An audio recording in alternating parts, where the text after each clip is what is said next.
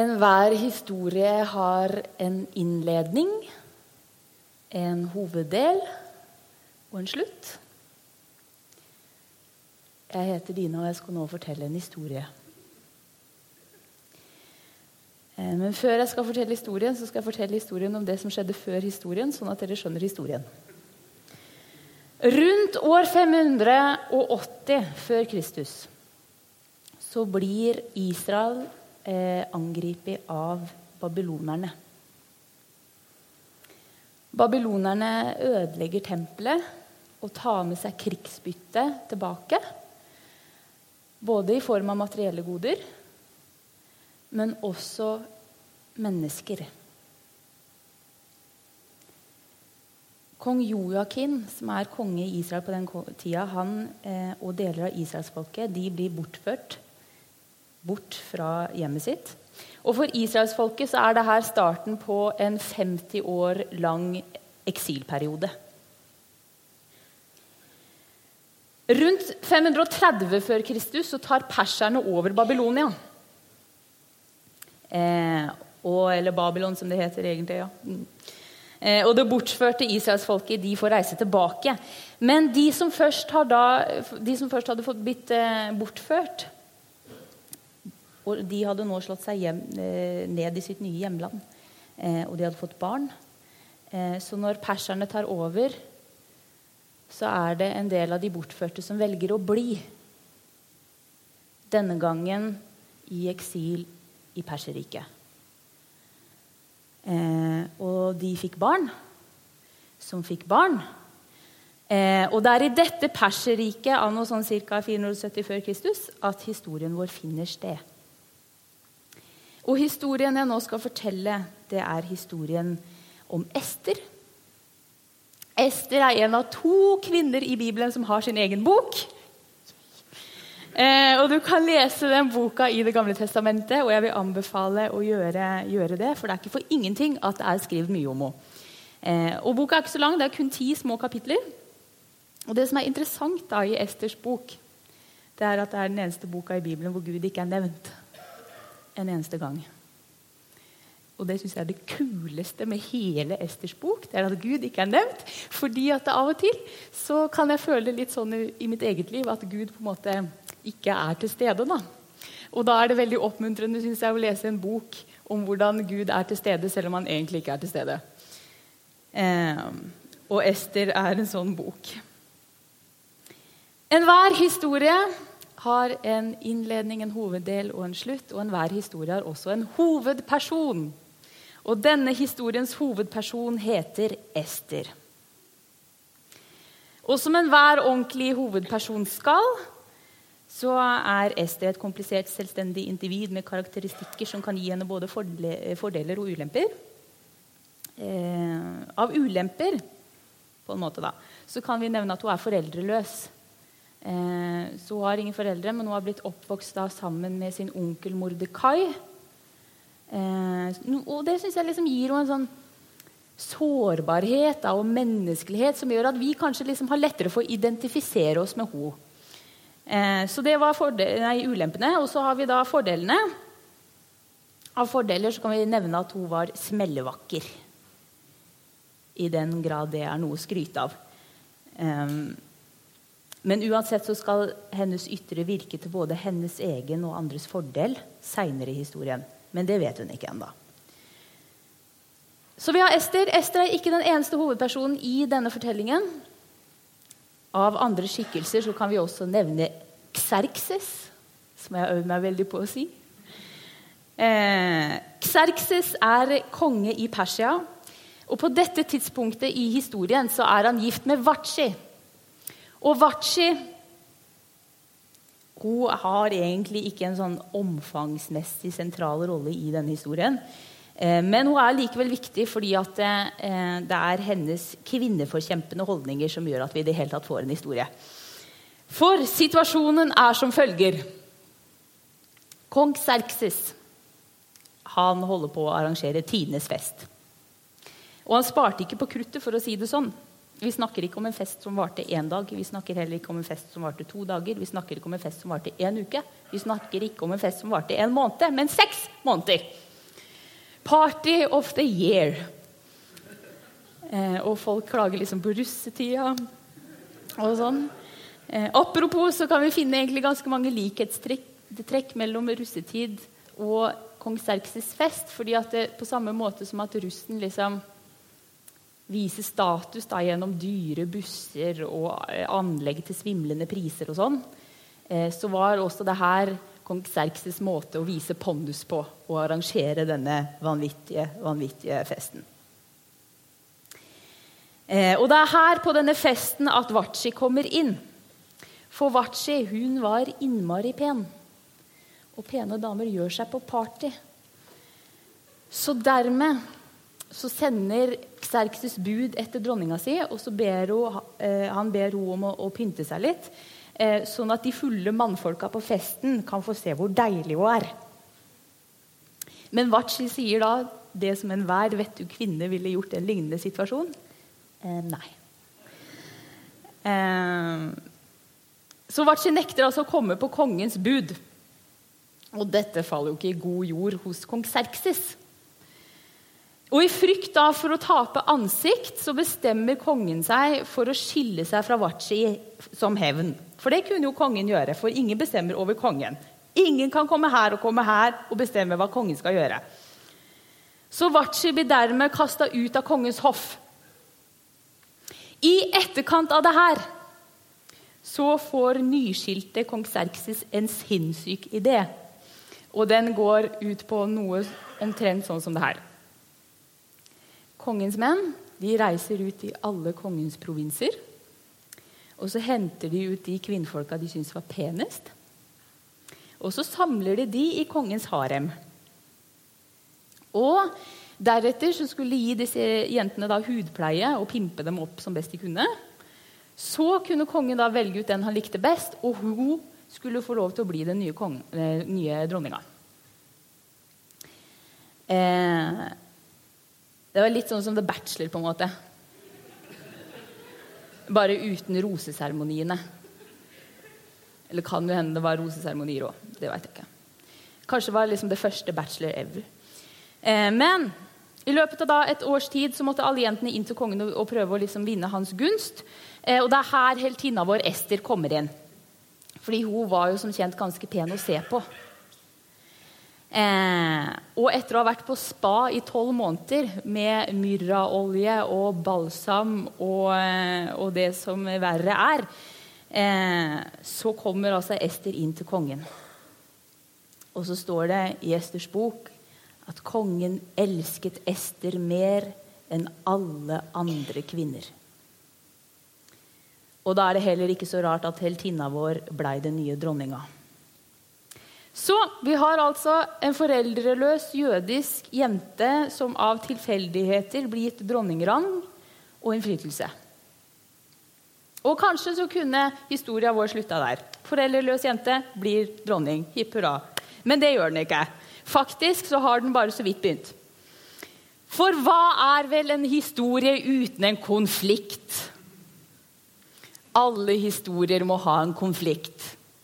Og for å få en konflikt så trenger vi en bad guy. Og denne historiens bad guy, han heter Haman. Han skal snart bli hengt, men det veit han ikke ennå. Fordi at på dette tidspunktet i historien så er han en av kongens fremste menn. Faktisk så stor at han, eh, det har blitt påbudt å knele for Haman hver gang han går forbi. Og knele, det gjør de alle som en. Bortsett fra Esters onkel Mordekai. Han har i løpet av historien så langt holdt seg nær ved slottet, prøvd å liksom finne ut av hva som skjer med Ester eh, prøve å passe, passe, litt på. Og hver dag har han stått utenfor kongens slott eh, og prøvd å holde seg oppdatert. da.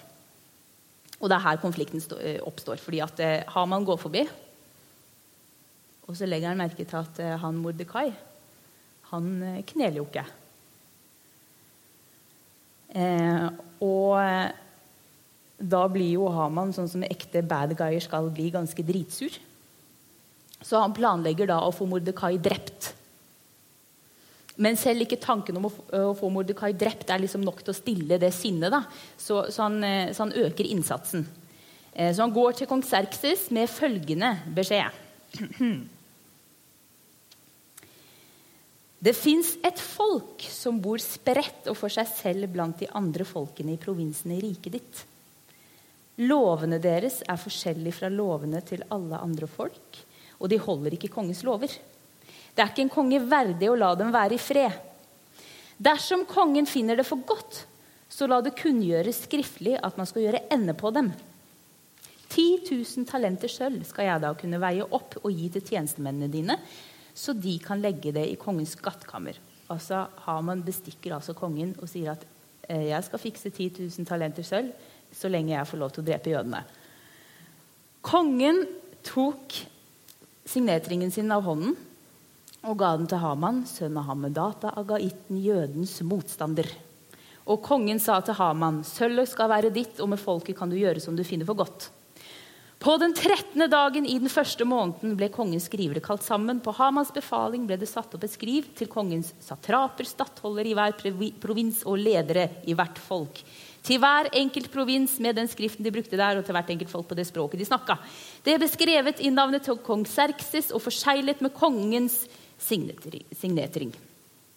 Så gikk det ut brev med ildbud til alle kongens provinser om å utrydde, drepe og gjøre ende på alle jøder, både unge og gamle, barn og kvinner, på én og samme dag, den 13. dagen i den tolvte måneden. 13.12. er for øvrig min bursdag. Så vet dere det. Eh, men så hører det også med at det, at det, er jødisk kalender, dette her, sånn at den datoen er egentlig mer tilsvarende denne tida av året, faktisk. Februar-mars. Altså, the more you know.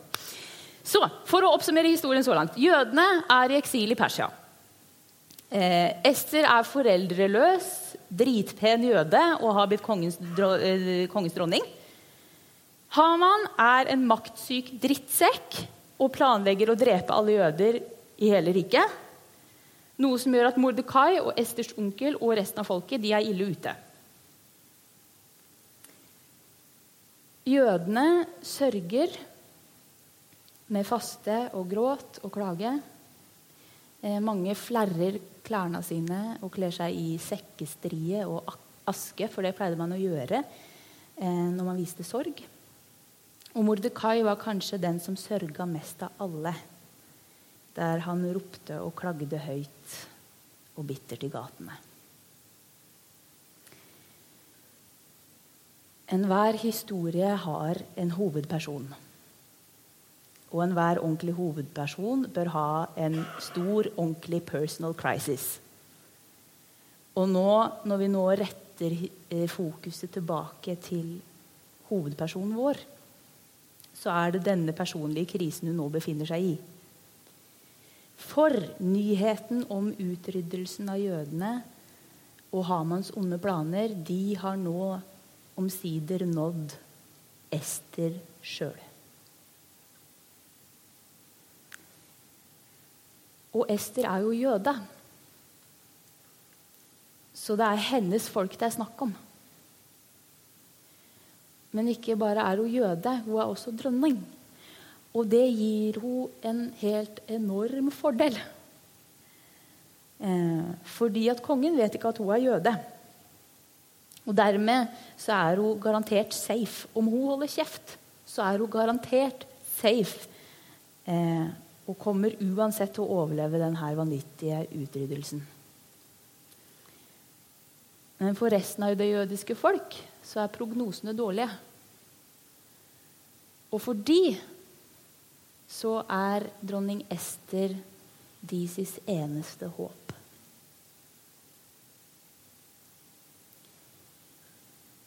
Ester har nå to valg.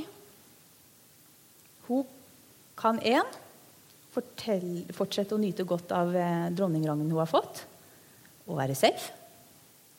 Eller nummer to hun kan risikere livet legge alle korta på bordet, røpe hemmeligheten om etnisiteten hennes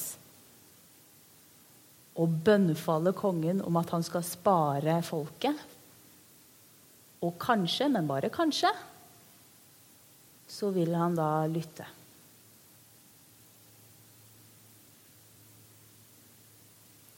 Men nå skal vi også da huske på at det er snakk om kongen som skilte seg fra Vachi på det enkle grunnlag av at hun nekta å komme som pyntedokke i hans party. Dermed så var det ikke risikofritt for Ester å faktisk handle heller. Og når jeg tenker på meg sjøl i den situasjonen, så skal jeg ærlig innrømme at jeg jeg veit ikke helt hva jeg hadde gjort. Jeg liker å liksom tro at jeg hadde vært nobel og heltemodig og liksom eh, ikke nølt med å liksom bare ofre mitt liv for å bety en forskjell. Men hva jeg egentlig hadde gjort hvis jeg hadde kniven på strupen, det veit jeg ikke. Og la oss nå også huske på at Ester, som nå står og veier mulighetene fram og tilbake Hun har ikke et valg mellom å spare sitt eget liv eh, eller å ofre livet sitt for å redde noen andres. Hun har valget mellom å vite helt sikkert at hun kommer til å spare sitt eget liv, og å skulle røpe hemmeligheten og kanskje muligens stå i fare for å kanskje spare noens liv. Og hvis hun nå, hypotetisk sett, skulle eh, velge å ofre seg og be om nåde, så er det ikke bare bare å banke på hos kongen og si hei, hei, eh, fordi at ingen kommer til kongen uten å være innkalt. Ingen kommer til kongen uten å være innkalt. Og hvis noen kommer til kongen uten å være innkalt, så er du død. Og sjøl har ikke Ester vært innkalt hos kongen på 30 dager. Oppsummert så kan vi altså si at vi har jødene som er i eksil i Persia. Ester er foreldreløs, dritpen jøde og har nå blitt kongens dronning. Haman er en maktsyk drittsekk som planlegger å drepe alle jøder i hele Persriket. Mordekai, Ester, Esters onkel og hele resten av folket de er ille ute. Og Ester kan nå velge å risikere livet sitt for å prøve å gjøre noe med situasjonen. Eller å la være å spare sitt eget skinn.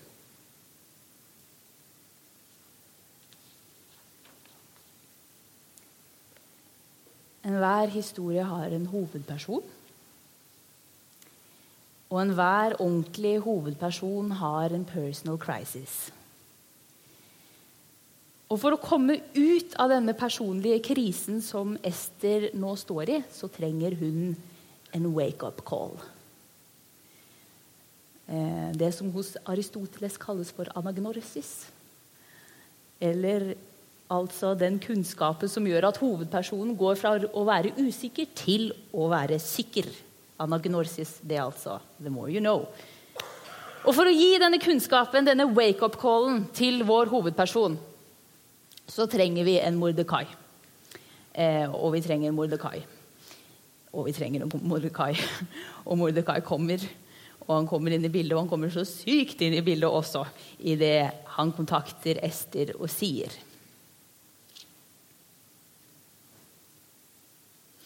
Tro bare ikke at du, som den eneste av jødene, skal berge livet fordi du er i kongens slott. For om du tier i denne tiden, vil hjelp og redning komme til jødene fra, fra et annet sted. Mens du og ditt farshus vil gå til grunne. Og hvem vet om ikke det er for en tid som denne at du har fått dronningrang.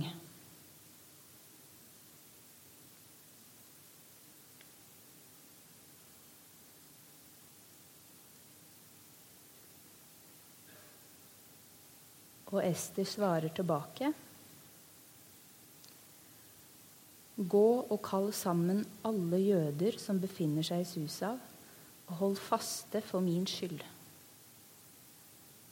Dere skal ikke spise eller drikke på tre dager, verken om natten eller om dagen. Jeg og tjenestejentene mine vil også faste på samme måte. Så skal jeg gå inn til kongen, selv om det ikke er etter loven. Skal jeg gå til grunne, så går jeg til grunne.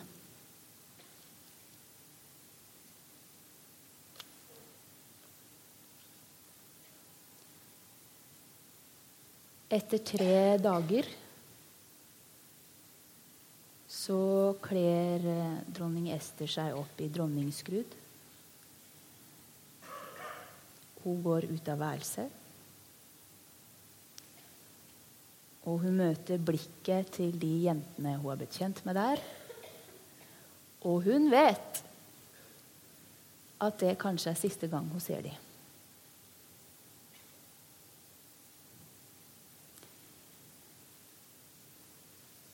Hun setter den ene foten framfor den andre og går skritt for skritt for skritt for skritt til hun omsider kommer ned inn i den indre slottsgården. Der stopper hun.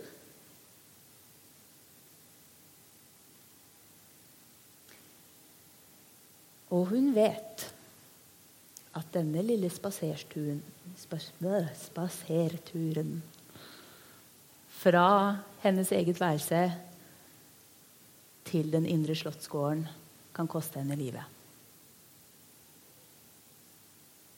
Hun vet at hun befinner seg på ulovlig grunn. Hun vet at hun har brutt kongens lov. Og hun vet at hennes skjebne ikke lenger hviler i hennes egne hender.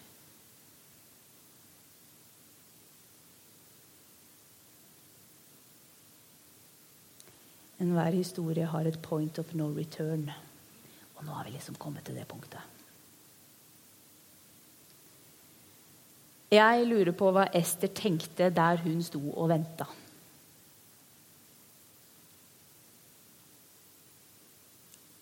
Jeg lurer på hva hun tenkte når hun møter kongens blikk.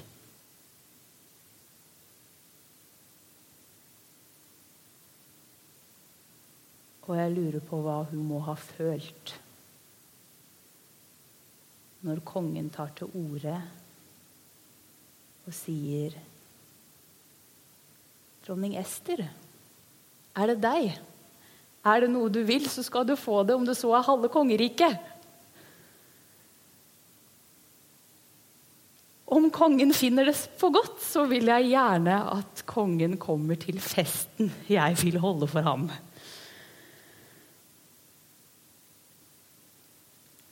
Enhver historie har en innledning, en hoveddel og en slutt. Og vi har nå kommet til den delen av historien hvor det snart skal slutte. Men for at det skal slutte, så trenger vi en løsning. Og denne løsningen i denne historien kommer i form av en fest. Dronning Ester hun holder en fest, og kong Serkses han er invitert. Og Haman er også invitert. Og kong Serkses og Haman kommer, og det er god stemning, og det er vin, og kongen er i godlag, og Ester er smellvakker, og det skal nå tale til hennes fordel idet kongen blir ivrig og utbryter Er det noe du vil ha, Ester? Om det så er halve kongeriket, så skal du få det.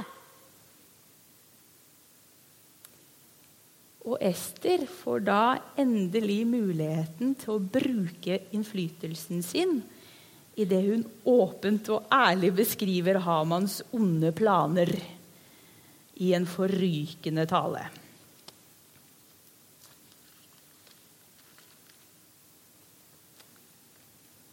Dersom kongen ser på meg med velvilje, og om han finner det for godt, så la, la, meg få mitt eget liv. Det er min bønn. Og mitt eget folk. Det er mitt ønske. For jeg og mitt folk er blitt solgt til utryddelse, drap og undergang. Om vi bare var solgt som slaver og slavekvinner, så ville jeg, ha tida. For en slik ulykke hadde ikke vært noe å bry kongen med. Men dersom kongen finner det for godt, og han ser på meg med velvilje, om saken er rett for kongen og han syns godt om meg, så skriv og kall tilbake brevene fra Haman, sønn av Hamedata og Agaitten, den som han skrev, da han la planer om å gjøre ende på jødene i alle kongens provinser. For hvordan skal jeg makte å se på det onde som ellers vil ramme mitt folk? Og hvordan skal jeg makte å se på at min slekt blir ødelagt?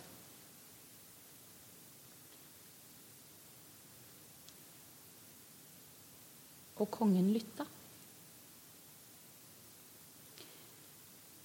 Og så blei folket spart. Og Hamans onde planer de kom over hans eget hode idet han sjøl blir drept. Og alt dette pga. én wake-up call og en modig hovedperson. Og hva har egentlig Ester med oss å gjøre? Enhver historie har en hovedperson. Og i teatret så pleier vi å bruke ordet 'protagonist' om denne hovedpersonen. The more you know. En protagonist det er den personen som vi som publikum eller lesere følger gjennom en historie. Men en protagonist er også mer enn det. En protagonist er den personen som handler, og som får ting til å skje.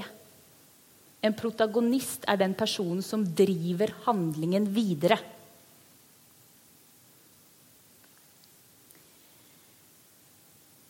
Og det på tross av sine egne omstendigheter. Historien om Ester det hadde ikke vært noe historie om ikke hun hadde våga å ta risiko. Og Historien om Ester hadde ikke vært noe historie om ikke hun hadde tatt og gått de skrittene fra hennes værelse og inn i kongens indre slottsgård. Det hadde ikke vært noe historie om ikke hun trossa sin egen frykt og komfort til fordel for det som var rett. Og det krevde mot.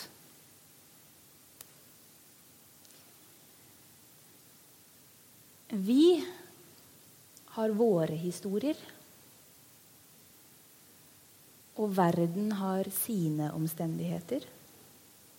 Vi trenger ikke scrolle lenge nedover nettavisene for å finne historier som så sårt trenger handlende mennesker.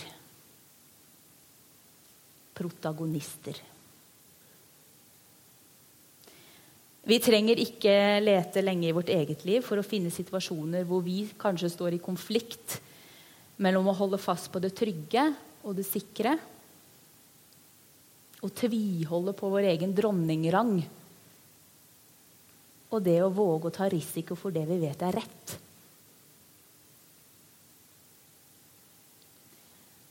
Det som vi vet at verden trenger. Det som vi vet at andre trenger og det som vi vet at vi sjøl trenger i våre egne liv. Og i møte med disse situasjonene så er det kanskje ikke så viktig hvem vi er og hvor vi kommer fra. Ester var foreldreløs, utrydningstrua jøde som var oppvokst i eksil. Og Grunnen til at vi liker historien hennes, er fordi at hun er en som oss. Vanlig jente som tilfeldigvis eller gudfeldigvis blei dronning og fikk innflytelse. Og fikk lov til å handle og fikk lov til å være en protagonist. Verden trenger modige mennesker, og jeg tenker at det er vår tur. Og det er din tur. Du har innflytelse til å forandre ditt eget liv. I den situasjonen du står i. På tross av dine fordeler og ulemper.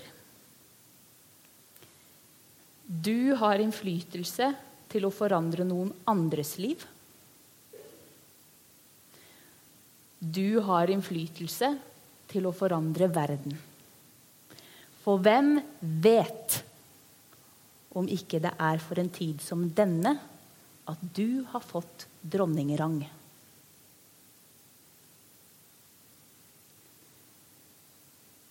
Det her er en wake-up call. Og vi har alle våre situasjoner, gode og dårlige. Og på tampen av denne talen så har jeg lyst til å stille deg to spørsmål. Det første spørsmålet jeg har lyst til å stille, er Hvilken innflytelse har Gud gitt deg? I hvilken historie har du fått dronningrang?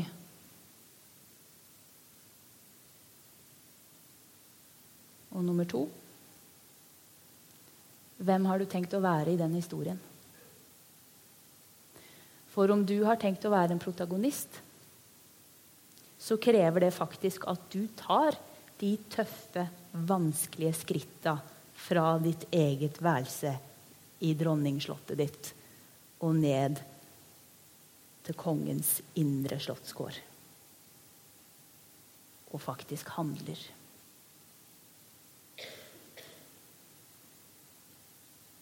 Kjære far. Jeg takker deg for at du har gitt oss innflytelse. Og kanskje har du gitt oss mer innflytelse enn det vi tror. Eh, og du ser de situasjonene som vi står i, og som verden står i. Og jeg ber om at du skal hjelpe oss og gi oss mot til å faktisk handle. Til å gå de skritta som vi trenger å gå og til å gjøre de handlingene som vi trenger å gjøre. Og så takker jeg deg for at sjøl om du kan virke langt borte, sjøl om det virker som at du ikke er nevnt i våre liv, så er du der likevel og virker behind the scenes. Og jeg ber om at vi skal få se det tydelige i våre situasjoner